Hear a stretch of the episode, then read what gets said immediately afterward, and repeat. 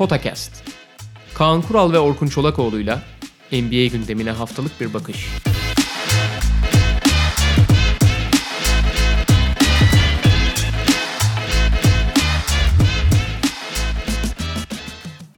Merhaba Potakest'e hoş geldiniz. Ee, geçen hafta, geçen perşembe Doğu Konferansı takımlarını konuşmuştuk. Sezonun ortasında takımların her birinin işte bir pozitif bir negatif öne çıkan tarafını uzun ya da kısa vadeli bu sezona dair ya da geleceğe de dair olabilir değerlendiriyorduk ve Batı'da bu haftaya kalmıştı.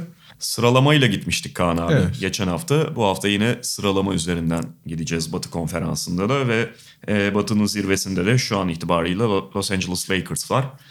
Onlarla başlayalım. Artı ve eksi. Artı kaliteli iki, tesirli iki oyuncuya sahipler. LeBron James ve Anthony Davis. Artılardan biri de senin ayağının kesilmesi oldu galiba Los Angeles'ta. Gördüğümüz Hala üzere- bu süreci anlayamadın. Hala benim ayağımın kesildiğini düşünüyorsun. Ya bilmiyorum benim gördüğüm dışarıdan senin orada kulüp içindeki belli pozisyonlarda kendini önemli gördüğün pozisyonlarda varken takımın durumu neydi şimdi ne? Neyse. Perde arkası dokunuşlarını görememek bu oluyor. Anladım, anladım işte. Ben Magic Johnson'ı aynı kefeye koyuyorum seni. Neyse. Ya şöyle tabii ki LeBron ve Davis ama ben burada hani artı faktör olarak LeBron'u daha öne çıkarmak gerektiğini düşünüyorum. Yani Anthony Davis çünkü Anthony Davis'liğini yapıyor. Yani belki de takımın en önemli silahı konumunda bile diyebilirsin şu anda. Hatta bir hiyerarşi yapsan oyundaki oyuna kattığı değer açısından falan belki de LeBron'un önüne bile koyabilirsin. Yani bunu oturup konuşabiliriz. Fakat LeBron'un bu sene üstlendiği rolü gördüğümüz zaman yani kariyerinde geldiği yeri işte oyuncuların hani kariyerlerinin ilerleyen dönemlerinde nasıl oyunlarının değiştiğini çok görüyoruz. İşte Michael Jordan'ın ilk 3 şampiyonluktaki sonraki 3 şampiyonluk arasındaki oyunun değişimi. Birinde çok daha işte potaya giden atletik bir oyuncuyken ikincisinde daha böyle cerrah titizliğinde orta mesafeyi geri geriye çekerek atışları kullandı. Keza Kobe için de benzer şeyler geçerli. Ee, Jason Kidd için olabilir mesela. Yani bütün üst düzey oyuncuların kariyerlerinin gelişiminde bir dönüşümleri oluyor genelde. %100 olmasa da. Ya LeBron zaten hani lige girdiğinden beri yani lige girdiğinde bile çok çok özel bir oyuncuyken zaman içinde nasıl bir oyuncu yani nasıl özelliklerini geliştirdiğini, nasıl kendini geliştirdiğini biliyoruz ama bu sezon ya hiç olmadığı bir kadar belli bir role soyun. Yani burada şey gibi yani zirve Jason Kidd yani 2002 Jason Kidd gibi oynuyor neredeyse. Ki ondan çok daha başka şeyler de yapıyor tabii. Daha skorer falan oynuyor da. Hani bu takımın da bence en çok ihtiyacı olan bu tip bir LeBron'du. Yani mesela şeyi iddia edebilirsin. LeBron'un en iyi sezonun 2013 Miami olduğu söylenir. 2013-2014 Miami olduğu söylenir. O versiyondaki LeBron yani atletik yeteneklerin hala zirvesinde her şeyi yapabilen çok komple bir oyuncuyken şu anki LeBron belki o LeBron kadar iyi değil ama şu anki LeBron Lakers'ın daha ihtiyacı olan bir LeBron. Ve kendisini ona evirmiş olması. Bence şey açısından da çok önemli. Geçen sene de biliyorsun LeBron yarı sahada oyunu çok iyi çözebilen bir oyuncu olmasına rağmen takım genç olduğu ve koşmayı sevdiği için yüksek tempo oynamaya gönül indirmişti. Yani LeBron gibi bir oyuncu tamamen oyunu dikte eder. Koçu da kovdurur, Jeremy de kovdurur ama bu takımın ihtiyacı bu diye çok tempolu oyuna adapte olmaya çalışmıştı ve belli oranda başarı da sağlamışlardı. Fakat bu seneki kadro bakıyorsun. Anthony Davis dahil buna. Hariç değil bak. Anthony Davis dahil yönetilmesi gereken oyunculardan kurullar. Yani Kentavius Caldwell-Pope'undan Danny Green'ine, Avery Bradley'sinden Dwight Howard'ına, Ceval McGee'sinden e, başka rotasyonda kim var? Kuzma'yı ayrı bir koyuyorum. Kuzma biraz çünkü diğer konuya girecek. Ha, Kuzma hariç her oyuncunun daha yüksek verim alınabilecek şekilde kullanabil, kullanılabilmesi mümkün. Ama onlardan o verimi ancak daha iyi kullanıldığında alabiliyorsun. Anthony Davis buna şu açıdan dahil. Anthony Davis evet belli bir miktarda süper yıldız olduğu için kendi şutunu yaratabilir ama onu kullanırsan eğer özelliklerine daha yüksek verimde çalışıyor. Caldwell Pope'u falan hiç söylemiyorum. Yani Caldwell Pope'u kendi haline bıraksan G League'de oynar yani. Keza Danny Green hani tamam çok disiplinli falandır ama o da başkalarının şeyine muhtaç. O yüzden bu sene asist kralı olması falan bunlar tesadüf değil. Yani bu takımın en verimli çalışması için bu LeBron'a ihtiyacı vardı.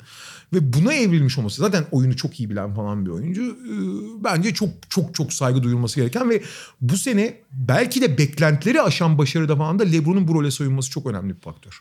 Ben de buna Frank Vogel'ı ekleyeceğim yanına Doğru, artı doğru, olarak. doğru. Yani LeBron James'in oradaki varlığı tabii ki çok önemli. Senin de söylediğin gibi özellikle bu oyuncuların yönlendirilmesinde. Ama yani bir genel bütüne bakarsak sonuçta takımın koçu Frank Vogel ve pekala LeBron James'in kenarda oturduğu, oynamadığı dakikalar da var.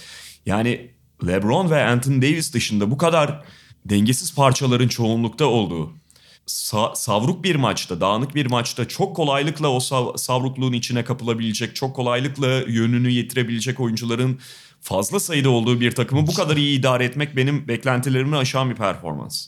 Cıvıyabilme potansiyeli var. Mesela Yani. şey var. Çok küçük hinlikler yapıyor. Mesela şey abi biliyorsun Anthony Davis ile ilgili en önemli tartışma 5 numara oynamak istemem mesela. Onun 5 numarada oynayan benim. Ceval McGee ile başlıyor. Sonra Ceval McGee çıktıktan sonra hemen Dwight Howard'ı almıyor. Abi iki dakika idare et şu 5 numarada. Bak fena değil falan filan gibi. Ha, onları falan çok güzel yapıyor abi. E, Bu Rob Perez var ya işte Twitter'daki o geçenlerde şey yazmıştı görmüşsündür. Yani sezonun en enteresan olaylarından biri Lakers sos taraftarının sosyal me- medyadaki Lakers taraftarının işte oradaki tabir şey gibi kullanabiliriz. Böyle yani kafasına vura vura Lakers bench'ine adam etti o sosyal medya diyor.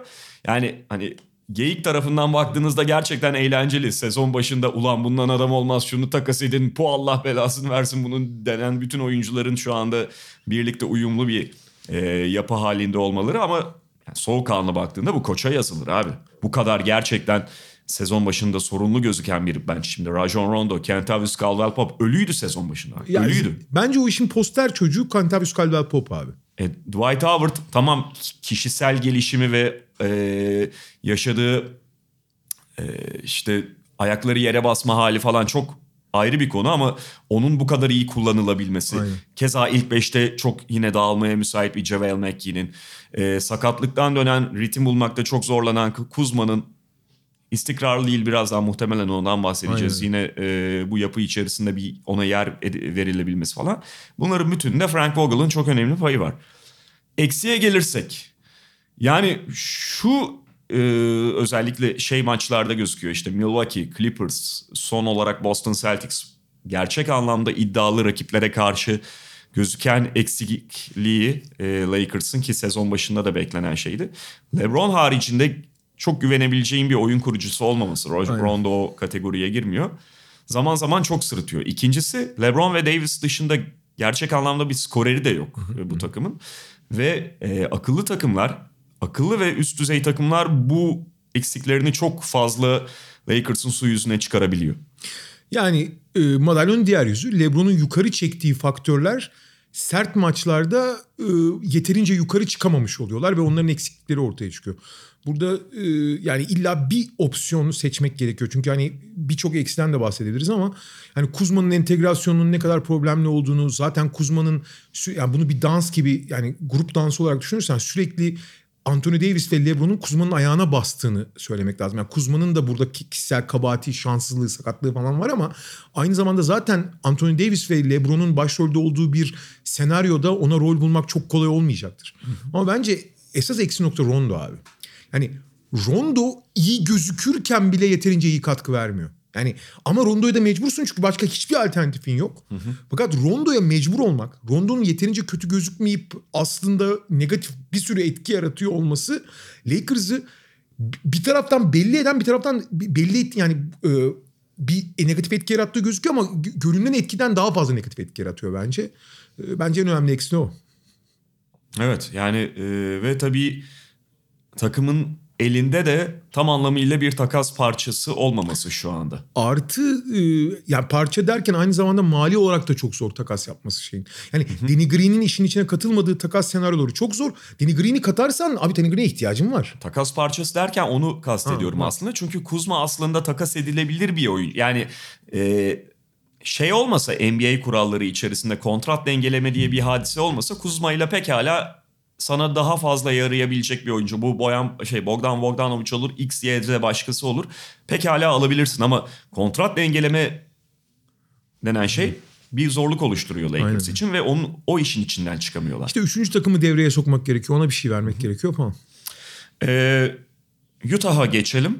Utah Jazz de iyi bir çizgi yakaladı ve şu anda Hem ikinci sıradalar. ya. 31 galibiyet, 13 yenilgi. Ee, Mike, Son Con- 18 maçın 16'sını kazandılar yanılmıyorsam. Mike Conley'nin sakatlığında biraz da mecburiyetten Conley devre dışı kaldığı için geçen sezonki Utah'a biraz daha yaklaşan bir yapıya büründüler. Tam anlamıyla aynı takım olmaları mümkün değil. Çünkü geçen sezon iki uzun, iki pivot hatta oynarken Derek Favors ve Rudy Gobert'le artık Favors tipi bir oyuncuları yok. Ee, onun yerine işte daha şutör ve daha kısa dört numaralarla tam anlamıyla onlara dört numara da demek lazım. İki forvet e, daha benzer, benzer tipte. Onlarla oynuyorlar. Ama Conley'nin sakatlığı onlara şu olanağı sağladı. E, Joe Ingles bu sezonki yapılarında kenardan geliyordu ve bir türlü ritim bulamamıştı kenardan gelir, e, gelirken. Joe Ingles tekrar kendini buldu. Geçen sezonki bildiğimiz o kontratı da hak ettiği şekilde alan Joe Ingles gibi oynuyor. Donovan Mitchell oyun kuruculuk görevinin bir kısmını üstlendi ki gayet de iyi altından kalkıyor. Royce O'Neal'ın orada yine bir yeri var. Ve her ne kadar 4 numarada eskiye göre biraz daha fizik olarak aşağıda olsalar da Ingles, Mitchell, e, O'Neal üçlüsüyle 1-2-3 numaralarda çok daha fizikli hale geldiler. Yapılarını da buldular bu sayede. Artı kenarda bir de Jordan Clarkson eklemesi oldu. Bir ritme girmiş durumda Utah Jazz. Zaten iyi bir takım. Yani geçen sezondan bunu biliyoruz. Ee, artı nokta ne peki? Artı nokta kötü başlayan bir sezonda bu yapıyı tekrar kazanmış olmaları. Yani e, çünkü bir ara bunları kaybetmiş gibiydi Utah Jazz. Ha yani Conley'nin entegrasyonuna geleceğiz ama bu bir artı onlar için. Aynen. Lüks her durumda her durumda bunu kendilerini bağlayabileceklerini görüyorlar. Ya ben artı nokta olarak e, Donovan Mitchell'ın yeniden tanımlanan rolü diyeceğim. Yani bu senin söylediklerini biraz daha hani e, bir tanıma oturtmak açısından hani formata uysun diye. Şöyle bir şey var abi. Joe Ingles zaten hani Dünya Kupası'ndan sonra çok formsuzdu, formunu buldu. Belki gerçekten formunu bulacaktı. Fakat şöyle bir şey oldu abi. Biraz mecburiyetten çok ideal bir düzene geçtiler. Çünkü hatırlayacaksın ben geçen sene hep şeyi söylüyordum. Boston 2020'lerin prototip takımı diye. Yani prototip olması en iyi olduğu anlamına gelmiyor ama hani basketbol artık şey gibi oynanacak. Yani e, birer tane çok net rol delici. Bir tepede delici, e, pot altında çember savunucu ve üç tane çok yönlü kanat. Ha bu çok yönlü kanatlar arasında çok penetreciler de olabilir. Çember savunmasına yardım edenler de olabilir ayrı konu. Ama o kanatların çok yönlü olması gerekiyor. Ya gerekiyor derken ideal düzen için söylüyorum. Tepedeki oyuncunun delici, delik, delme tehdidi olması gerekiyor. Çember savununca çemberi savunması gerekiyor. Abi geçen seneki Boston ona çok uygun bir takımdı. Hı hı. Ee, işte Al Horford, e, Irving o rolleri alıyor. Diğer tarafta Gordon Hayward, Jason Tatum, e, Jalen Brown, işte Marcus Smart da oraya bir şekilde ekleyebilirsin. Fakat hiç öyle olmadı tabii değişken. Abi bu takım bir anda o formüle döndü. Yani Donovan Mitchell çünkü ideal belki bir top dağıtıcı falan değil ama müthiş bir delici, müthiş bir e, enerji, müthiş bir skor tehdidi. O deliciliği gösteriyor. Artı onun organizasyonel yetersizliği mi dersin, alışkanlık eksikliği mi dersin onu Joe Ingles tamamlıyor zaten. Yani hı hı. ikinci oyun kurucu olarak Joe Ingles neredeyse yüzde kırkını yapıyor aslında o organizasyonu. Yani Donovan Mitchell'ın eksik kaldığı yerde ama Donovan Mitchell o görevi yapıyor. Ligin en iyi çember savunucusuna sahipler. Ve hakikaten diğer üç kanatta işte Royce O'Neal rakibinin önemli silahını savunuyor. Daha savunmada ön planda. Bogdanovic daha fizikli oyuncuyla eşleşiyor. Ama daha nokta şütöre evrildi artık. Tamamen yani topla daha az oynayıp daha nokta şütöre evrildi. Joe Ingles işte hem organizasyonu yapıyor hem cezayı kesiyor hem e, çok yönlü oynuyor. Yani bu modele çok daha net oturdular. Bu tamamen Donovan Mitchell'ın bir numaraya geçmesiyle oturdu. Ve model oturmaları diyorum ben artı puan olarak. Yani artı nokta olarak. Evet. Ve başka bir şey söyleyeceğim. Utah yıllardır tabii Rudy Gobert'in temelinde. Geçen sene Derek Favors'da varken öyleydi ama Rudy Gobert'in olduğu bir takımın ana kimliğinin savunma olması gerekir değil mi? Ki yıllardır savunmada ilk üçteler savunma reytinginde. Abi son 20 maç itibariyle ligin bir numaralı hücumu hangi takım biliyor musun? Bir bak ligin en iyi hücumu diyorum. Utah abi. Hı hı. Ve 120 ofensif ratingde oynuyorlar son 20 maçta. Yani Donovan Mitchell oyun kurucu pozisyonuna geçtiğinden beri 120 ofensif ratingde oynuyorlar. Bu abi NBA tarihinin bir numarası olur. Ha tamam bu dönemde fikstürleri falan da uygundu. Arda arda galibiyetler aldılar. iyi bir hava yakaladılar. O yüzden bu ıı, artık yeni kimliği bu demek çok doğru değil. Ama bu takım bu formülle inanılmaz potansiyelli bir hücum takımına ve çok daha ideal ve modern bir yapıya kavuştu. Ee, eksiye gelince yani bu tabii henüz somutlaşmış bir şey değil ama her ne kadar senin söylediğin gibi işte bu dönemde çok iyi gitmiş olsalar da Mike Conley'e hala orada bir yer açılması gerekiyor. Aynen. Ve Mike Conley problemi bir yere gitmiş değil. Mike Conley problemi Utah için orada duruyor. Neyse ki Mike Conley abi oynatılmasa bile çok büyük problem yapacak bir karakter değil. Evet. Yani abi ben ne iş olsa yaparım diyebilecek bir karakter olduğu için onun en azından teknik anlamda yarattığı soruna katılıyorum ama saha dışı bir problem yaratmayacaktır bu. Evet yani olgun bir karakter. Hı. Ya Mike Conley de yani elinde böyle bir oyuncu var o yüzden oynatmak zorundasın anlamında değil. Mike Conley'e ihtiyaç duyacakları için. Hı hı. E, çünkü evet şu ana kadar çok iyi gitmiş olabilirler ama başka bir mücadele onları bekliyor bundan sonraki dönemde. Valla açıkçası bu formülü bence bozmamaları gerekiyor. Ki bence bozacaklarını zannetmiyorum. Mike Conley bunu istiyor. Fakat Mike Conley önce bir kendini bir toparlaması lazım. Belki bu sakatlık ona da iyi gelmiştir dinlenmesi açısından falan. Çünkü sezon başında biliyorsun geçtiğimiz yıllardaki Mike Conley'den çok uzaktı yani. Hı. Hani e, sürekli boş yani yüzde otuzla falan şut atıyordu yani. E, iki maç döndü fena gözükmedi. E, ama yani maçı bitiren beşlerde olabilir. Belli beşlerde yer alabilir. Ama bu sadece artık bir lüks onlar için. E, ve iyi bir lüks bence. E, yani evet teknik anlamda onu entegre etmek bir eksi nokta olabilir. Ben şey için biraz da, bence daha eksi, eksi nokta şey olacak.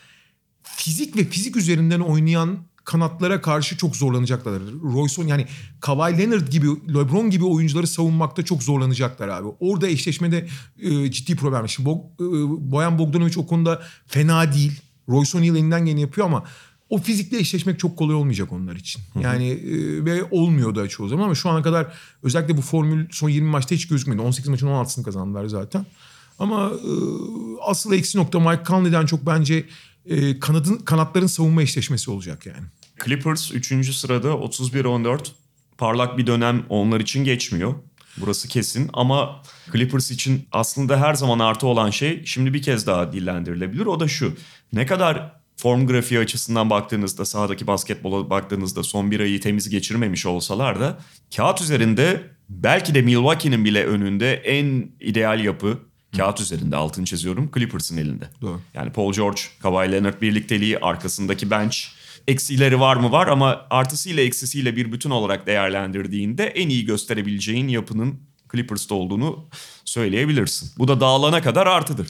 Ya bir de zaten şu anda en büyük belirleyici nokta basketbolda toplu oynayabilen kanatlar, fizikli kanatlar. Onlar çünkü oyunu çözüyor.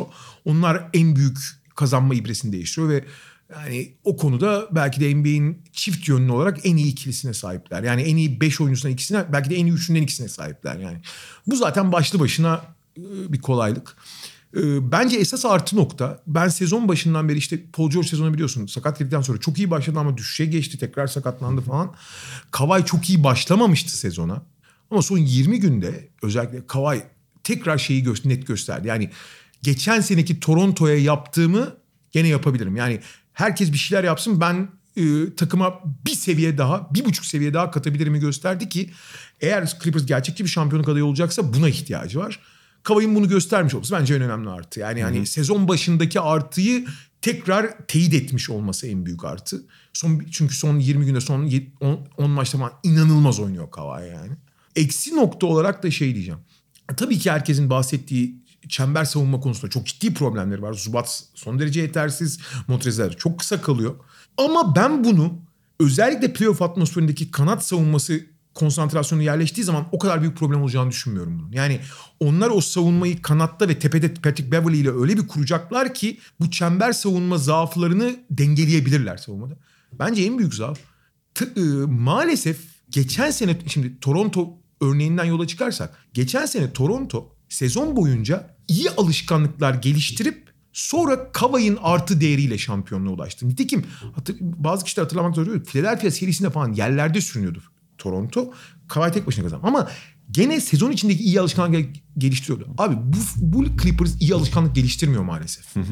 Yani sürekli bölük pörçük forma göre, rakibe göre oynayıp iyi rakibe karşı konsantre olup bir şeyler yapıp parça parça oynayıp kazanmaya çalışıyorlar. Bu çok kötü değil ama abi bu süreçte yapı olarak Kavay'ın Kavay'dan bağımsız veya işte ikili üçlü parçalarında iyi alışkanlıklar geliştirmesi lazım.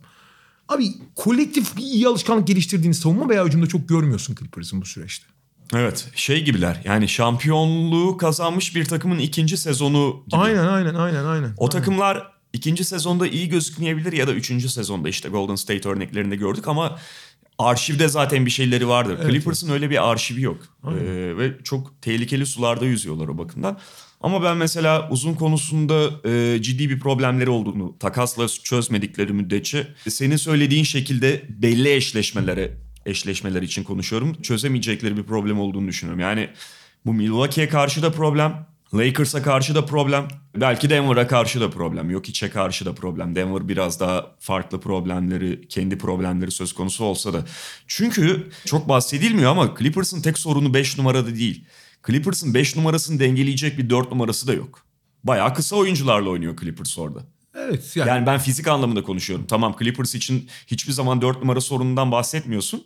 Ama 5 numara zaaf haline dönüştüğünde 4 numaradan orada oraya gelecek bir destek de yok. Yani total halde kısa kalacaklar belli rakiplere Doğru, karşı. doğru. Dördüncü sıraya geçiyoruz. Denver Nuggets 30-14.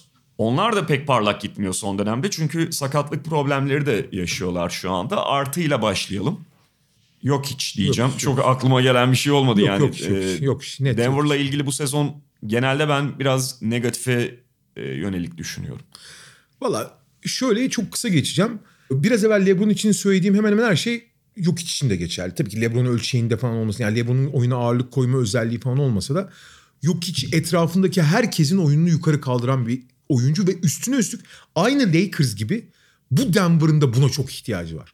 Yani yok için yerine mesela şey olsa e, ne diyeyim James Harden olsa bu takımın işi çok daha zor olur. Veya yok için yerine ne bileyim Anthony Davis olsa mesela Anthony Davis daha iyi oyuncu diyebilirsin. Abi hiç böyle olmazlar. Yani takımın ihtiyacı olan yıldız yok hiç. Sezon başı formsuzluğunu falan tamamen atmış gözüküyor ve gerçekten bir süper yıldız performansı gözüküyor. Ve çok ihtiyaçları duyduğu tipte bir süper yıldız. Üstüne üstlük 5 numara oyun kurucu olduğu için bütün rakip alışkanlıklarına çok ters gelen düzenler kullanıyorlar. Ee, bu da en büyük artıları ve çok geniş bir kadrolar olmalı tabii ki yani bu yapıda. Eksiye gelirsek abi ben çok kısa söyleyeceğim. Ee, sen uzun uzun açabilirsin. Bu takımın en iyi ikinci oyuncusunun abi yani ana atıcısının veya Murray iyi bir atıcı olabilir falan. Bu, ama bu takımın en iyi ikinci oyuncusu Michael Porter Jr. olamayacaksa bu takımın tavanı bellidir abi. Ve Michael Porter Jr.'dan da şu aşamada bunu beklemek bek- çok büyük Ben haksızlık. beklemiyorum zaten. ha Michael Porter Jr. gerek hani lisede biliyorsun lisede Amerika'nın bir numaralı oyuncusuydu. Sonra iki sene kaybetti. Hala çok büyük soru işaretleri var üzerinde. Biraz Joel Embiid'in NBA gelişine be- benziyor ama e, yavaş yavaş kendini buldukça gösterdiği bir iki sinyal var ki hani o şeyin cevherin orada olduğunu biliyorsun. Bunu Evet. performansa dönüştürüp devamlılık sağlamak apayrı bir tartışma konusu. Hele böyle bir sırt ameliyatları geçirmiş, iki tane sırt ameliyatı geçirmiş bir oyuncu çok zor. Ama eğer Kevin Porter Jr. bir Kevin Durant klonu falan olabilecekse gerçekten ki bunu yapabilece- yapabilme ihtimalini gösterdi. Evet. Büyük bir ihtimal olmasa da. Olabilecekse o zaman Denver'ın şampiyonluk adaylığından bahsederiz. Ama Cemal Murray bu takımın en önemli ikinci oyuncusu olacaksa orada çok büyük problemler var demektir. Kesinlikle. Ya Michael Porter Jr.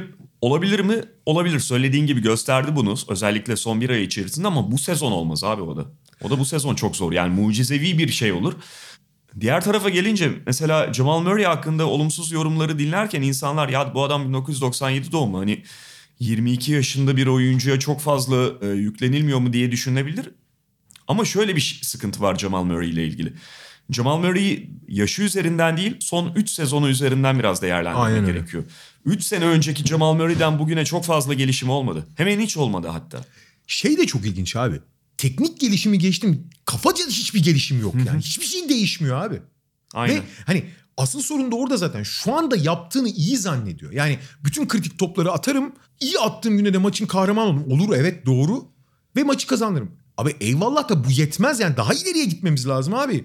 Durursak düşeriz yani. Artı Jamal Murray çok sıcak soğuk bir oyuncu. Tabii, tabii. Yani yandığında eyvallah ondan iyisi yok. Hani arkasına dizilirsin. O seni bir yerlere götürebilir ama bunlar kısa periyotlar oluyor. Soğuduğunda da çekilmez bir hale gelebiliyor Aynen. ve yani e, sürükleyici lider oyuncularından birinin bu karakterde olmasını da pek istemezsin. Çok ideal bir senaryo oluşturmuyor.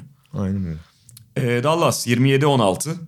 Pozitif noktayı çok fazla aramaya gerek yok. Yani daha ikinci sezonunda NBA'in en iyilerinden olan birine sahipler Luka Doncic'le. Ve aynı zamanda paralel şekilde şeyi söyleriz. Yani LeBron ve Jokic için söylediğimize benzer şeyler var. Nitekim sezon başında takım biraz tökezlerken yapılan bir hamle çok önemliydi. Çünkü sezon öncesi vizyonunda gerek Carlisle'ın gerek bizim de Doncic'i işte ana oyun kurucu ama hani o görevi paylaştırmayı Delon Wright'la düşünüyorlardı. Nitekim sonra gördüler ki Doncic'i aslında LeBron gibi kullanmak yani takımda tek karar verici, mutlak hakim ve herkesi yönlendirici olarak kullanmak daha iyi bir fikir. Delon Wright ikinci beşe yerleşip Tim Hardaway gibi bir atıcı yerleştikten sonra hani neler yapabileceğini gördük abi. Yani adam 29-9-9 ortalamayla oynuyor yani ve yani akıl almaz bir verimle oynuyor. Son dönemde biraz fiziksel olarak çok hafif yıpranmış gözüküyor ama yani bu çok normal NBA temposunda. Ve yani hiç kimsenin Kristaps Porzingis'ten beklentileri alamamalarına rağmen evet gelişim gösteren Dorian Finney-Smith gibi oyuncular var vesaire bir sürü faktör var ama Carlisle'ın bütün parçaları bir arada kullanması var ama abi yani bu takımın en iyi senaryoda bile buralarda olmasını kimse tahmin etmiyordu. Doncic bütün muazzam senaryoları paramparça etti yani. Eksiye gelirsek orada da uzun vadeli ve kısa vadeli bir şeyden bir tane ortak noktayla bahsedebiliriz. Şimdi maalesef Dwight Powell'la dün seninle yayındaydık. Hmm. E, Dwight Powell'ı da kaybettiler Aşil sakatlığına ve onun da kaybıyla birlikte çok çok sorunlu hale gelen bir pota altı rotasyonu var. Kleber'de, Porzingis'te, Marjanovic'de tek tek farklı kıymeti olan oyuncular, farklı artıları olan oyuncular ama birlikte bir zaafları var ki yani Marjanovic'i daha doğrusu oyunda tutamıyorsun o belki biraz ayrı. Onu çok fazla oyunda tutamıyorsun ve diğer oyuncularla birlikte buna kısaların desteği de dahil çok ciddi bir rebound zaafı ortaya çıkıyor Aynen. Dallas Mavericks'te. Ve tam anlamıyla bir pot altında oynayan oyuncuları da yok Marjanovic'i kenarda düşündüğünde. Artı işte bu arada Porzingis biraz ortak nokta uzun vadeli olarak. Porzingis ile Doncic'in Dallas'ın 10 yılını kurtaracak ikili olması bekleniyordu. Hala da olabilir ama Porzingis'in oyunu şu anda Dallas'ın birinci vazgeçilmesi olan haliyle birinci vazgeçilmesi olan Doncic'i tam olarak top tamamlıyor mu? Net bir yanıt veremiyorsun. Teknik olarak evet hani dışarıdan şut atabilmesi, diğer tarafta blok tehdidi olabilmesi bunlar güzel. Ama Porzingis bir an bir türlü tam anlamıyla oyunun içine giremiyor. Hiçbir şekilde entegre edemediler abi. Hiçbir şekilde. Ee, yani Porzingis özelinde ben de pot altını söyleyeyim. Hele, Dwight Powell'ın kaybı. Dwight Powell çünkü çok da yani NBA'nin en iyi pick and roll partnerlerinden biri. En iyi saplanan oyuncularından biri. Şimdi o opsiyonu da kaybettin abi. Marjanovic, Kleber veya Porzingis hiç saplanan türde oyuncular değil. Hı hı. Sen bu opsiyonu kaybettiğin zaman Luka Doncic'in falan hayatını da çok zorlaştırmaya başlıyorsun. Ee, onlar yani bu en büyük problem olacak pota altında ama daha büyük problem ve daha uzun vadeli problem Porzingis'in entegrasyonu. Ben saha dışında da çok iyi iletişim kurduklarını düşünüyorum. Saha içinde e, enerjileri çok tutmuyor gibi. Yani Porzingis'in de Doncic'in de biraz yüksek egolu oyuncular olmasıyla da bağlantılı. E, ama eğer bu formül devam edecekse zaman için bu uyumun gerçekleşeceğini umuyorlar herhalde. Ama o daha büyük problemden şimdi daha acil bir problem belirdi önlerinde. Yani atıyorum e, çok bütün vücudu etkileyen bir sakatlıkları vardır ama şimdi kolları kanıyor çok kötü. Ona nasıl merhem olacaklar? Eğer o bulamazlarsa yani Dwight Powell'ın oyunda gördüğümüz etkisi çok çok yüksek gibi gözükmeyebilirdi. Eksikliğinde onun asıl değeri daha çok ortaya çıkacak şimdi. E şeyi gördün mü bilmiyorum. Joakim Noah ile iletişime geçmişler. Yani workout'a alacaklar herhalde. Bu arada Joakim Noah fizik olarak iyi durumdaymış diyorlar. Ya geçen sene fena değildi bu arada. Ee, Ve yazı da çok iyi geçirmiş diyorlar ama tabii artık yani o kadar sakatlıktan o kadar yaştan sonra hani beklentileri biraz sakin tutmak lazım. Ama şey yan gelip yatmamış onu söyleyelim yani. Tabii tabii. E, hatta Dwight Howard olmasa ya da Dwight Howard düşünülmese Lakers'ın listesindeydi falan. E, Houston Rockets 27-16. Onlar da biraz sallantılı bir dönemden geçti. Bu sabah kazanmış Değişim. olsalar da. Ve e, ama şimdi artıyla başlarsak en azından e, ne oynayacağını en iyi bilen takımlardan biri. O oyunu eleştirebilirsiniz. Çok başarılı olma ihtimali yüksek olmayan bir formül olarak görebilirsiniz ayrı konu ama ne oynayacağını en iyi bilen takımlardan biri ve bunun temelinde de ligin en istikrarlı oyuncularından biri var. Yani istikrarlı derken evet zaman zaman şut yüzdesi düşüyor falan ama size her akşam o oyunu bir şekilde veriyor James Harden. Etrafında da iyi dizilen bir takım var. E, artısı da bu. En önemli artısı bu. Bu NBA'de azımsanacak bir artı da değil. Kesinlikle yani çok sırtında dayayabileceğim bir şey. Bence artısı da eksisi de aynı ya. Yani James Harden ve James Harden etrafındaki o mağara adamı basketbolu. James Harden bir iki kötü maçı tarihte olmuştur ama ard arda 3-4 kötü maçı oynadığı hiç olmadı. O yüzden istikrar abidesiydi. Hı hı. 4 maç kötü pe- periyot geçirdi. 4 maçta 51'de 9 üçlük attı ve son maçta artık böyle iyice sinirlenmiş bir şekilde 17 tane attı yani hiç sokamadığı halde. Maçtan sonra biliyorsun 2 saat, 1,5 yani şey kaç 50 dakika mı şut çalıştı falan. Yani Kobe yapar diye onu biraz hafif şova kaçan bir şekilde. Ama Harden e, pis, aynı sebeplerden dolayı ve D'Antoni'nin bence bunu yönetirken e, yeterince kontrol olmamasından dolayı abi Harden çok fazla yıpratıyorlar. Abi bütün üst yani basketbolun geldiği yerde hiçbir oyuncunun artık 35 dakikanın üzerinde oynamaması gerekiyor. Harden kadar yük taşıyan oyuncuların hiç oynamaması gerekiyor. Abi Harden'ı 38-40 dakika oynatıyorsun abi. Ve yıpranıyor adam. Geçtiğimiz yıllarda playofflarda da gördük. Hani bunun kendi oyun karakteriyle de biraz alakası var. Ama fiziksel olarak da adamı diri tutman gerekirken çok yıpratıyorsun aynı zamanda. Ve bu kadar bir şeye bağlı olduğun zaman abi o iş işte switch temelli savunma, işte Harden'ın yarattığı tehditten beslenme, Harden'ın zaten belli bir skor potansiyeli yaratması falan bunların hepsi harika. Artı bir taraftan ve sistem, yani bireyler formda olduğu zaman buna kendilerini verdikleri zaman 2018 playofflarında olduğu gibi performans yukarı çıktığı zaman e, bunu optimum çalıştırdığın zaman şampiyonluk potansiyeli olsa da en ufak bir problemde yan parçalarda veya ana parçada Harden'da tepe taklak aşağı düşüyorsun. Yani bir basamak düşmüyorsun abi. 3-4 basamak düşüyorsun. Dikim aynı sorunlar gerek playoff'taki bazı maçlarda gerek işte şu son dönemde arda arda kay- kaybettikleri maçlarda da görüldü.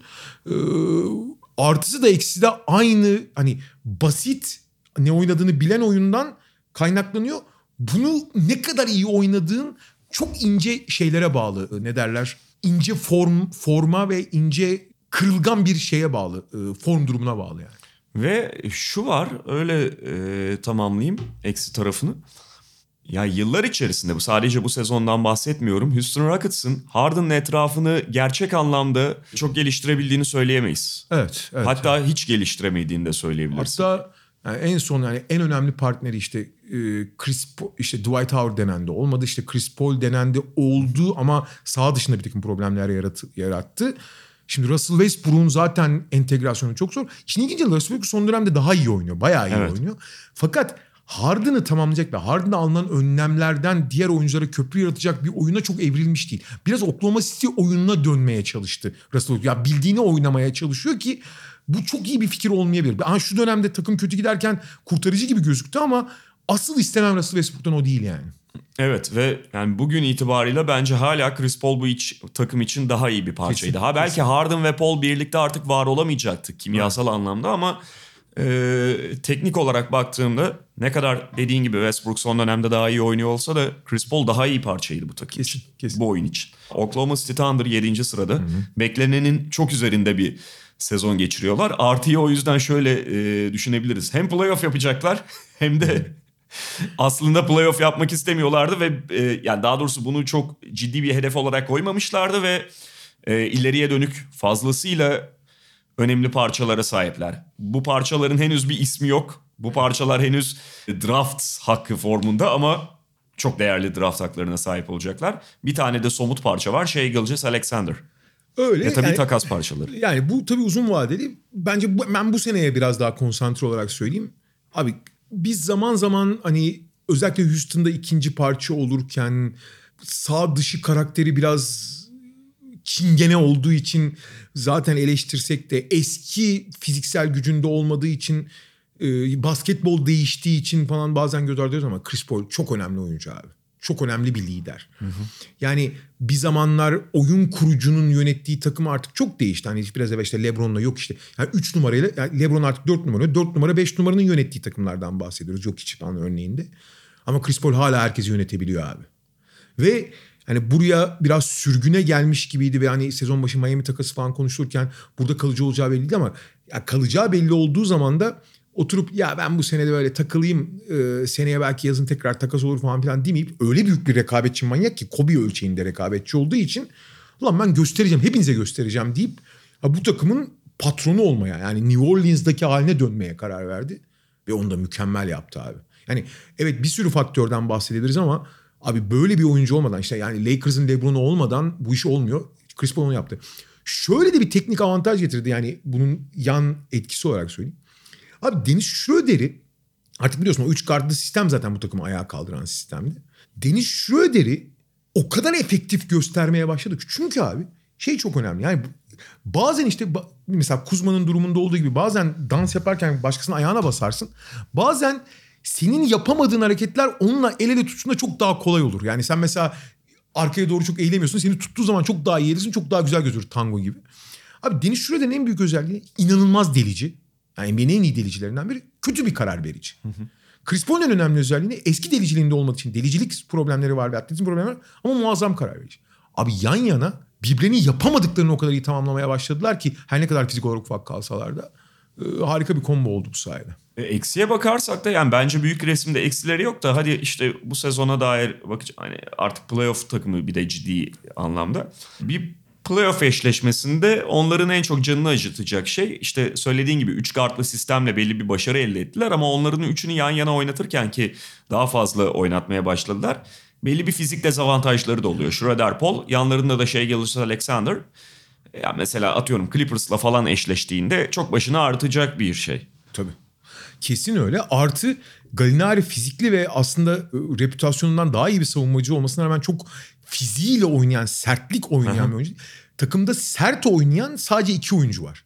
Biri Steven Adams sertlerin kralı. Chris Paul da yalnız fiziğine göre çok sert oynar. Yani hiç geri adım atmaz. Ama abi çok ufak fizik yani. Hani Schroeder, Paul yan yana olduğu zaman zaten geri kalanlara yani ne yapsam olmaz. Şey Gilgis Alexander çok ince. Abi o zaman işte daha sert eşleşmelere geldikleri zaman ciddi fizik dezavantaj yaşayacakları da ortada. Çünkü bench'te de bunlara alternatif olabilecek kimse Aynen. yok istikrarlı olarak. Aynen. E, San Antonio şu anda 8. sırada. Yine ne yaptı etti 8'e attı kendini San Antonio Spurs 20-23. Artı faktörü ben söylüyorum. Tabii. Orkun Çolakoğlu'nun belki Los Angeles'tan ayağı kesilmiş olabilir.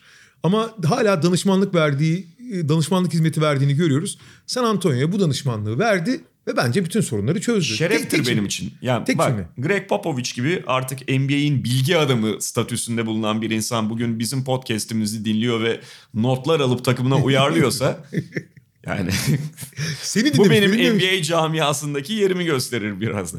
Evet ilginç ilginç. Yani Popovic hocamın hikmetinden sual olunmaz ama nereye danışırsa. Kardeşim başarı getirmiş sen daha ne bakıyorsun? Ya tabii bir sürü faktörden bahsedebiliriz ama hani bunu zaten hani belki de Portland döneminden beri konuşulan bir şeydi bu. Yani Ulrich kadar iyi bir orta mesafe hatta uzun mesafe şütörün yani aynı atışları iki adım geriden atmasının yaratacağı farktan. Bunun sadece verimlilik açısından, toplam skor üretimine katkısı açısından getireceği değeri bir kenara bırakıyorum. Yani e, bir adım içi, üç sayının bir adım içinden attığı şutları bir adım geriden atıp üç sayıya dönüştürmesinin yaratacağı etkiyi bırakıyorum. Sahayı açması açısından, e, alan paylaşımı açısından getirdiği yararlar bence çok daha önemli. Son bir aydır Demar DeRozan kariyerinin en iyi dönemlerinden birini geçiriyor. Bunda en büyük pay Lamarcus Aldridge'in işte yaklaşık bir aydır e, maç başına 1-2 tane yerine 6-7 tane üst sayı atmaya başlaması onun verimini artırdığı gibi Demar DeRozan'ın verimini de herkesin hayatında çok kolaylaştırmış durumda. Evet. Ya benim için mesela NBA tarihinin, tarihi derken hani yakın tarihi e, daha tanık olduğumuz kısımda en büyük ukdelerinden biri Kevin Garnett'in fazla üçlük atan bir oyuncu olmamasıydı ama tabii farklı bir dönemde. Arada düşünürüm yani o dönemde biraz daha böyle cesur oynasaydı neleri ne kadar değiştirdi diye. Çünkü çok temiz atardı. Kesin çok iyi şutör olurdu. Lamarcus Aldridge de onun işte daha düşük profilli bir örneği. Ya şöyle pardon ekleyeceğim bir şey var mı artık? Yok yok. Ya, ama şimdi hani kullanıyorlar ve sen söylediğin gibi bir takım kapıları açtı San Antonio için. Aynen bu başta Demar DeRozan olmasa da Dejounte Murray'nin falan da hayatını çok kolaylaştırdı Evet, evet. Ee, ve bir anda takım arkaik bir yapıdan çok daha modern bir hücuma dönüşmeye başladı. Ama abi şöyle San Antonio zaten hücum anlamında çok çok büyük problemi olmayabilirdi. Zaten çok disiplinli bir takım, çok haddini bilen bir takım rollerini de almış. Fakat diğer tarafta eksisine gelirsek abi San Antonio'nun Lamarcus Aldridge'in olduğu hiçbir senaryoda iyi bir savunma takımı olmasına ihtimal yok. En iyi ihtimalle vasat olabilirler. Burada Greg Popovich hocama bence bir mesaj daha verirsen senin de beni de pek dinlemiyor seni dinliyor. Neyse. Belli parçalarda ısrar etmesini anlamak kolay. Mesela Trey Lyles'dan ve Bryn Forbes'dan aldıklarını şeyden çok daha rahat alabilirsin. Yani Rudy Gay'den ve işte atıyorum Derek White'la yan yana oynatarak. De- Derek White'la Dejounte Murray'i yan yana oynatmama tercihini anlamak çok kolay değil. Yani Bryn Forbes'u bir şutör olarak düşünüyorsun ama Derek White da çok kötü bir şut atmıyor bu sene. Yani oradan çok bir şey kaybetmesin eğer Lamarcus Aldridge 3 sayı atmaya devam edecekse. Hani bence evet Lamarcus Aldridge'in olduğu hiçbir senaryoda iyi bir savunma takımı olamaz ama savunmayı en azından basata çek- çekecek işte Lyles'ın ve Bryn Forbes'un yarattığı zaafı elindeki malzemeyle tamamlayabilir aslında San Antonio Spurs. Ama hani eksi dersen abi Lamarcus Aldridge'in olduğu hiçbir senaryoda bu takımın iyi savunma takımı olmasına imkan yok yani. Yani çünkü kıpırdayamıyor adam yani. Ya Pöltle'ın oynaması lazım en başta ya. Ama o zaman Lamarcus Aldridge'i yan yana oynatırsan başka problemler çıkıyor. Onun yerine oynatırsan gene başka problemler çıkıyor yani. Yani evet çıkıyor da hani savunma savunmayı biraz daha yukarı kaldırmak gibi bir önceliği olacaksa ben öne alması gereken White'dan da önce Pöltle'ın e, öne alması gereken oyuncunun Pöltle'da olması gerektiğini düşünüyorum. Ya orası kesin yani. Pörtl alırsan zaten iyi bir savunma takımı olabilirsin. Ben ama Lamarcus Aldridge'in 30-32 dakikalar oynadığı bir senaryodan bahsediyorum. Yan yana oynatmak bence hiç iyi bir fikir değil. O zaman bambaşka sorunların çıkar ortaya. Hani hiç bu sefer hani gene Lamarcus Aldridge kimseyle eşleşemediği gibi en azından çemberi savunursun ama hücum çok alan paylaşamaz. Hiçbir şey yapamaz. Yani ben Lam- yani tek uzunla oynanan versiyonlarda biraz en azından ıı, vasata çekmek açısından söyledim. Ben şey bakımından söylüyorum. Yani Trey Lyles'ın şut tehdidi var da çok rakip takımların umursadığı bir şut tehdidi değil Kesinlikle. o. Yine tıkanıyorsun belli ölçüde. Tamam Pearl'la biraz daha belki e, daha fazla cesaretle gömülecekler. Ve daha fazla tıkanmış olacak ama ya Trey Lyles'ları rakip takım böyle hop diye açmıyorsun dışarıya. Memphis 9. sırada iki maç üst üste kaybettiler 20-24 ama yani Memphis için de Oklahoma City için konuştuklarımız gibi şeyler konuşabiliriz. Sonuçta bu sezona başlarken bu takım zaten playoff yapalım diye girmiş bir takım değildi. Hatta e, Batı konferansının diplerinde olması bekleniyordu Memphis Ya Batı. Batı sonunculuğu için en büyük adaydı abi. Yani Phoenix'le birlikte diyorlardı bazıları ama çoğu takım için, çoğu kişi için Batı sonunculuğu adayıydı yani. Ve şu anda playoff yarışının içerisinde olmaları onlar için tatlı bir bonus. Ama daha önemlisi takımın 10 yılını kurtaracak temeli orada oluşturuyor olmaları. Ja Morant, Jaren Jackson, yanlarında Brandon Clark, hatta işte, işte e, Dylan Dylan, Brooks. Brooks. ve D'Anthony Melton gibi parçaları da buna ekleyebilirsin. Çok haklısın. Burada biraz daha daraltırsak bence e, bu söylediğin oyuncuların hepsi çaylak kontratında 23 yaşın altında oyuncular ve çok ciddi bir çekirdek olabilecekler. Hangisi ne kadar geçecek ayrı konu. Fakat en öne çıkan hani e, bir Jaren Jackson 3. sırada seçilmişti değil mi? Evet. Üç, yani 3 mü 4 mü? Pardon pardon bir dakika. 4 olması lazım. Dört, dört, dört. 3'te Trey Young seçildi. Üçte Trae Young seçildi, takas edildi. Dördüncü sırada. Biri dördüncü sırada, biri ikinci sırada seçim olan ve en fazla yatırım yaptığın, en fazla beklentide olduğun oyuncuların birbirini çok iyi tamamlayan iki parça olması.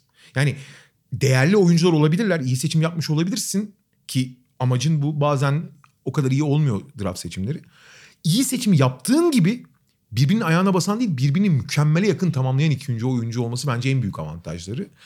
Ve aynı zamanda da onların bekledikleri gelişimin çok daha hızlanması bu sayede. Yani onların gelişimiyle birlikte. Buradan eksiye dönersek de abi bütün çekirdeğin bu kadar genç olması da ard arda hava yakaladıkları maçları sürklese hava yakaladıkları dönemlerde ard arda galibiyetler al- almaları işte 7 maç üst üste kazanıp sonra iki tane maçta tamamen sürklese olabilmeleri. Genç oldukları için işler biraz sıkıştığı zaman çok çabuk oyundan düşüp oyunu tutmayı becerememeleri. Savunma da yok çok fazla haliyle bu Ee, takım. evet. Yani bu kadar genç bir takım için çok Aslında beklenen bir durum. yani o enerjiyi hissettikleri zaman savunma şeyi de geliyor. Şevki ve çabası da geliyor ve aslında savunmada iyi malzemeleri de var. Çok kötü malzeme değiller. Tabii. Ama, Ama- bitmiyor onlarla. Ama hiç maçı tutamıyorlar abi. Çok gençler çünkü çok da normal. Bu arada şeyi kontrol ettim. Yani yanlış olmasın düzeltelim. 3 Luka Doncic, Trey Young değil. Yani takas Ta- tabii, edildiği tabii, için tabii. bir doğru. kafam karıştı. Pardon, 3 Doncic, Jackson da sonra seçildi. Ee, 10. sıra Portland 19-26. Artıdan başlayalım. Damian Lillard'a sahipler. Ve yani bir başka artı da Batı konferansında bu sezon yarış daha alttan seyrediyor. Dolayısıyla hala o yarışın içerisinde 8. sıra için iddiası bulunan bir konumda Portland. Valla Damian Lillard belki NBA'in en krem de la krem süper yıldızlarından biri değil. Ben hani hep elmas diye bahsediyorum ya. Ama onlara en yakın, en sınırdaki oyuncu. Ama aynı zamanda abi e, dediğim gibi hani bir LeBron gibi falan herkesi yönetmiyor belki ama abi saha dışı faktörler açısından ondan daha ideal. Abi şunca zamandır yani iyi veya kötü beklentilerin üstünde veya altında o kadar şey yaşandı. Damian Lillard'dan olumlu feedback dışında takımı ve takım arkadaşlarını motive edecek şey dışında en ufak bir şey duymadık abi bugüne kadar. Asla ve asla. Bu sezon işler ne kadar kötü giderken bile Hasan Whiteside mesela büyük ayak kırıklığı yaratırken bile nasıl olumlu davranmaya, olumlu kalmaya devam etti. Çok büyük hayranlık verici bir şey bu yani. Gerçekten büyük hayranlık verici bir şey. Bu sezon bir ara e, bir iki maçta çok bıkkın ve hiç oynamak istemez gibi. Ben çok şaşırmıştım yani. Hani ulan Lillard'da, Lillard'da da mı artık sıtkı sıyrıldı diye. Ama çok kısa bir dönem oldu. Belki fiziksel yorgunluk ama yine o takıma liderlik. Geç, daha geçtiğimiz gün 61 attı işte yine. Ve özellikle son dönemde Hasan Whiteside'ın aldığı eleştiriler sebebiyle biraz kendine çeki düzen vermeye çalışması, daha e, algıları açık oynuyor olması kontrat yılında çünkü biraz onlara bir yapı kazandırmış gibi gözüküyor ve e, daha derli toplu, daha iyi oynuyorlar ve e, bundan 15-20 gün önce tamamen dağılmış gibi gözüken takım hala o 8. sıra için yarışacak gibi gözüküyor. Bu yani Lillard'ın önderliğinde, Lillard'ın sürekli pozitif kalmasının önderliğinde olumlu gözükebilir.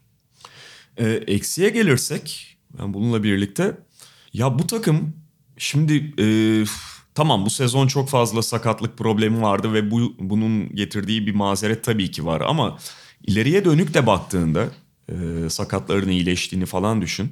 Gerçek anlamda senelerdir beklenen şekilde iddialı olabilecek sıçramayı, olabileceği yere sıçramayı sanki hiç yapamayacak gibi. Yani bir yerde sıkışmış gibi duruyor. Damian Lillard, CJ McCollum ortaklığıyla olsun. İşte bir türlü aradıkları 3-4 numaraları bulamamalarıyla olsun. Abi şöyle söyleyeyim. Gene bence artısı biraz eksisini besleyen bir şey. Damian Lillard'ın liderliğiyle bu kadar iyimser olmak, bu kadar polyanlacılık oynamak büyük hata. Geçen sene Batı finali oynamaları da belki de büyük bir şanssızlık oldu onlar için. Onlar ellerindeki malzemeyi sonuna kadar iyi kullanıp olabilecekleri en iyi yere gitmeye çalışıyorlar. Bu aslında ideal bir yöntem. Ama bir yere gidemeyeceklerini görmeleri lazım yani. Bu takımın tabanı çok belli abi. Yani nereye yani en ideal senaryoda Batı finali oynadın oynamasına. Yani her şey denk geldi senin için. Ama bu kadar abi yani daha iyi. Hele bu seneki yani Golden State dağıldıktan sonra birkaç takımın öne çıktığı senaryoda daha ileri gitmeyeceğin çok belliydi yani. Yani en iyi gözüktükleri, gerçek anlamda iyi gözüktükleri dönem konferans finali değil geçen sezonun ortalarıydı. Doğru, Hatırlarsın doğru, Yusuf doğru. Nurkic'in takımın en önemli Evet. ikinci oyuncusuna evrildiği dönem. O doğru. O aya bacağın kırılmasından biraz öncesi. Ama orada bile ekstra bir şeylere daha ihtiyaçları olduğu belliydi. Aynen. Bu McCollum takasıyla mı olur bilmiyoruz ama eldeki en önemli fırsat da o. Yani bence çok daha radikal belli tercihler yapmaları gerekiyordu özellikle bu sezon. Onlar kanatları değiştirmeye çalıştılar. Ee, sakatlık işte Rodney Hood falan da çıktı ama bence bu kadar polyanlacılık oynamayıp daha daha keskin hamleler yapmak zorundalar. McCollum takası olabilir mesela. Phoenix Suns 18-26 onlar da hala yarış biraz yavaş seyrettiği için tablonun içerisindeler. Ve son dönemde biraz daha iyi oynuyorlar. iyi başlamışlardı. Sonra dağıldılar tekrar toparlanıyorlar. Artı olarak başta şunu söyleyebiliriz. Yani e, birçok takımın hayalini kurabileceği bir genç ikiliye sahipler. Devin Booker ve DeAndre Ayton. Bu oyuncuların belli eksikleri olabilir. Özellikle DeAndre Ayton'la ilgili kafanızda çok fazla soru işareti oluşuyordur belki. Ama yaşları ve bugünkü performansları göz önüne alınırsa e, yabana atılmayacak bir temel DeAndre Ayton ve Devin Booker. Belki Kelly Oubre'yi de ekleyebilirsin oraya özellikle bu seneki çıkışıyla. Doğru. O da yanlarından iyi bir Genç e, potansiyel parçalar. üçüncü tamamlayıcı. Valla ben bu seneki artı için konuşayım. Sen genel genel konuştun. Abi bir kere geçen seneki Phoenix'in sorunu kadrosaldan çok zihniyetli abi. Bazı maçlarda hatırlıyorsun. Hani geliyorlar şey gibi ya e, şey e, arkadaşlarla maç atalım. Abi Caddebostan'da sağ boşmuş gelsenize maç atalım kafasındaydılar yani. İşleri iyi giderse biraz daha abi hadi kazanıyoruz falan diyoruz. Yoksa da abi yeniliyoruz hiç önemli. Şey, yani ilk, ikinci çeyrekte 30 sayı falan geri düşüyorlar. Bu sene bir kere oynamaya değil kazanmaya oynuyorlar. Yani Monty Williams'ın belki de yani hiçbir şey yapmadıysa bunu yapmış olması bence çok değerli. Ha bunu kaldırabildiler mi kaldıramadılar mı ayrı bir konu. Özellikle belli bir dönem sonra çok dağıldılar. O çaba o odaklanma çok gelmedi ama abi alışkanlık böyle geliştirilir. Ben o yüzden zihniyet değişiminin en önemli artı olduğunu düşünüyorum bu sene itibariyle. En büyük artı puan geçen seneyle bu seneyi kıyaslarsak. Daha uzun vadeli değil ama sadece bu ilk yarı itibariyle söyleyeyim. Eksiye gelirsek de yani yine kısa vadeli uzun vadeli ayrı belki değerlendirebiliriz. Kısa vadede zaten eğer bugün playoff yarışı için değerlendireceksek çok belli bir problemleri var. Bu kadar genç bir takımın Memphis'te de olduğu gibi zaman zaman işte yumuşama gibi sıkıntıları doğabiliyor. Özellikle de Aiton ve Booker gibi bir temeliniz varsa yani bu oyunculara belli dakikaları vermek durumundasınız. İşte 30 artı oynuyor bu oyuncular. Ama beraberinde getirdikleri bir yumuşaklık da var. O yumuşaklığı Rubio'larla, Aaron Baines'lerle kapatmaya çalışıyorsun. Baines'in sezon başına göre biraz daha e, azalmış bir rolü olsa da. Sakatlıklar onu yıprattı. Evet ama yani sonuçta kadronun geri kalanı da öyle çok sert ve e, deneyimli oyunculardan oluşmuyor. E, bu da playoff yarışında seni geriye çeken bir şey. Bir de şey var. Özellikle bu sezonun ortasındaki düşüş bence çok şeyle alakalı. Takımdaki zihniyet değişti. Yani yakış açısı. Ama bunu çok büyük oranda çabayla, büyük bir eforla yarattılar. Abi çabayla, eforla bir yere kadar bir yere gidiyorsun. Bu yıpra yani alışkanlık geliştirmek lazım ama o çaba efor olmadan o alışkanlık da gelişmiyor. Biraz kısır döngü gibi.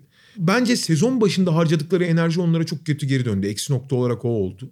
Artı yani bence en önemli nokta bu aşırı eforun onları çok yıpratmış olması diyeceğim. Ee, en büyük eksiği o söyleyeceğim bu arada. İkinci bir nokta olarak da e, yani Ubre'yi soyundurmaya çalıştıkları rol yani başka bir eksi nokta daha söylemek istemedim. Hani tek bir tane seçiyorduk ama ya Ubre'yi soyundurmaya çalıştıkları rol de Ubre'nin çok kaldırdığı türde yani ikinci ikinci skorer rolü Ubre'nin çok kaldıracağı türden bir rol değil bence. Ubre daha çok bir tamamlayıcı rolde daha iyi. İkinci skorerin Aiton olması gerekiyor ama buna hazır mı? Yani Booker'ın ana skorer olduğu biliriz. Booker NBA'nin en büyük skorerlerinden biri çünkü. Ama ikinci skorer konusunda çok ciddi bir görev tanımı ve o görevi kaldırabilecek oyuncu olup olmadığı soru işareti var yani. Aiton biraz daha vura vura oynayabilse birçok şey yerine oturacaktı. Ama Phoenix'te abi işte.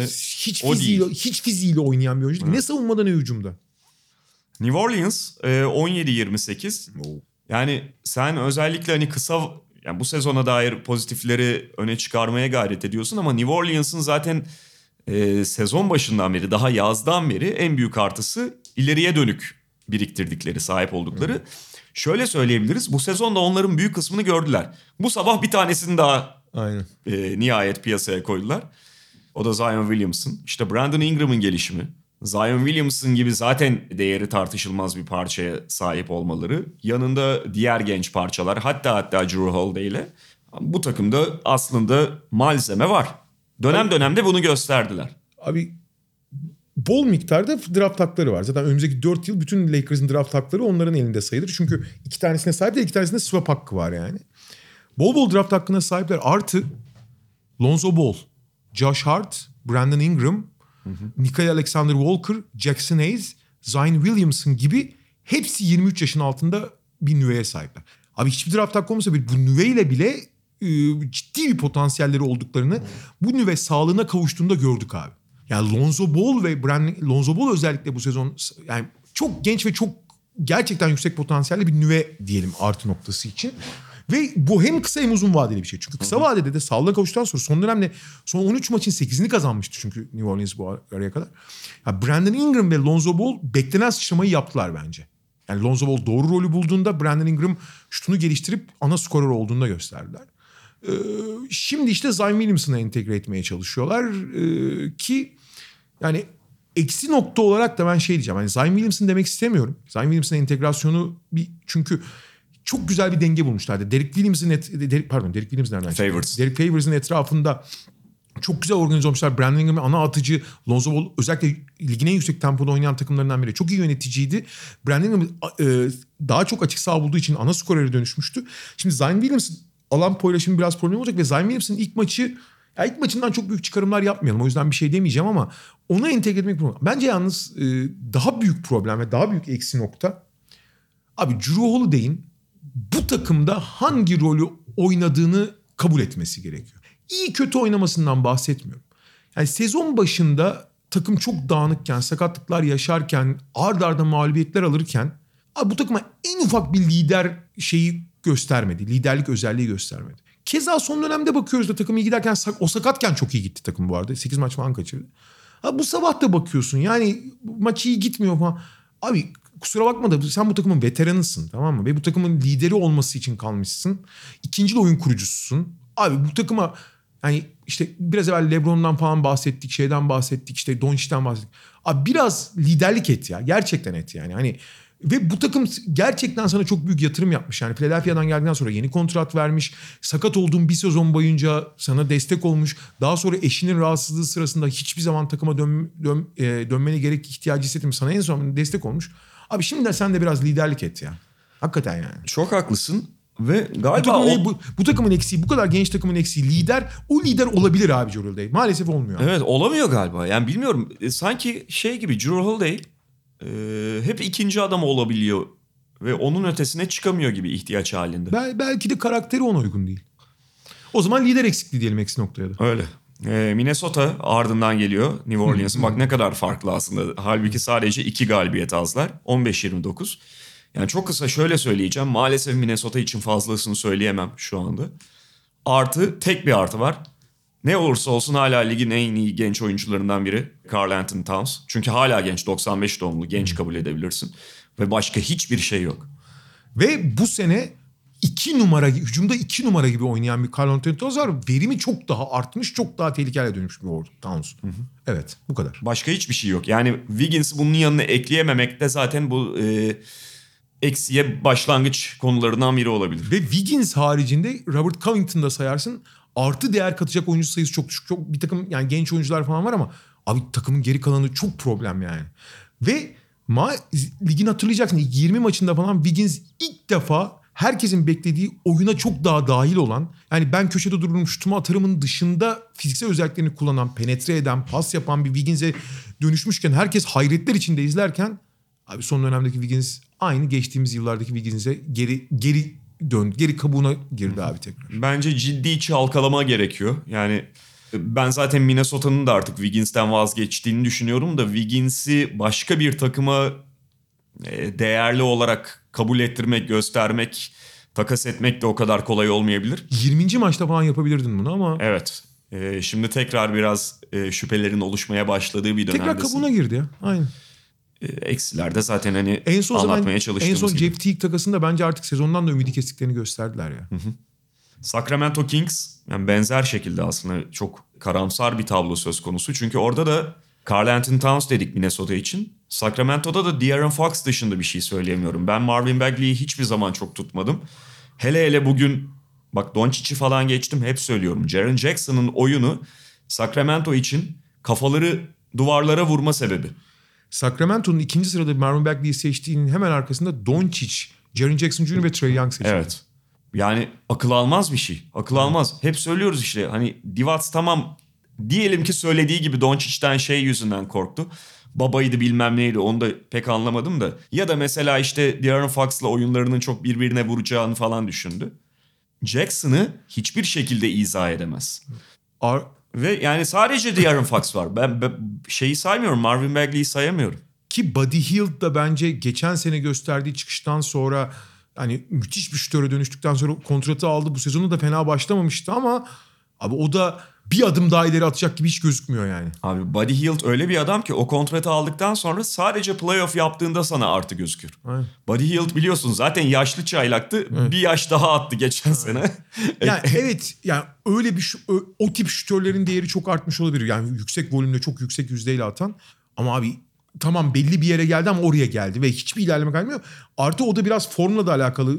Bu sezon çok da iyi atmıyor o kadar yani. Geçen seneki kadar iyi atmıyor yani. Hı hı. 28 yaşına geldi Buddy Hield. Doğru. Ya gerçi gene Prime'ın sonuçta hani çok çok da şey değil. Ee, Valla açıkçası ve bu seneki aldıkları yaptıkları yatırım yaptıkları işte Corey Joseph olsun, Dwayne Dedman olsun, Harrison Barnes olsun gibi oyunculardan Harrison Barnes gene standartını veriyor ama Harrison Barnes'dan zaten daha fazlasını beklemiyorsun. Bunların hiçbirinden verim alamadıkları gibi yani geçen bir de şey var hani artı nokta ben de Darren Fox diyeceğim ki o da bence beklenen gelişmeyi çok göstermedi. Bu sezon sakatlarla da boğuştu. Ama negatif nokta olarak da Abi sürekli bir arayış var ve hiç bulunuş yok yani. Abi En başı tempo abi. Geçen sene dünya NBA'nin en yüksek tempolu takımıydın. Sezonun çok büyük bölümünü en düşük tempoda oynadın. Şimdi tekrar tempoyu yükseltmeye çalışıyorsun. Bir kimliğin olsun be abi. peki abi ben de şöyle söyleyeyim. Arayışı daha biraz büyük resme çıkaralım. Divac döneminde e, De'Aaron Fox draftı haricinde daha fazla transferlere yani free agent imzalarına konsantre olarak söyleyebiliriz belki. Tutan kaç tane transfer var? Bu Bir takımda Bielitsa- kalıcı olan. Bielitsa var. Bence tuttu. Evet Bielitsa var. Bogdanovic'i de sayarım. Gerçi Tabii. o da gidecek yani. Tabii, E, tabii. tuttu ama tutmadı olacak. Şimdi bak. Ariza'yı aldın. Sezonun yarısında takas ettin. Deadman'ı koydun kimse almıyor. Yeni transfer. E, geçen sezonlarda yine aynı şeyleri yapıyorsun. Ha- Harvey Barnes diyordum Leicester'lı. Şey, Harrison Barnes'a kontratı verdin. Bugün Abartma. Harrison Barnes'ı ne yapacaksın tam olarak belli değil. Draftlara da geldiğinde ya Nick- Nick ulan Papayanis'i aldın.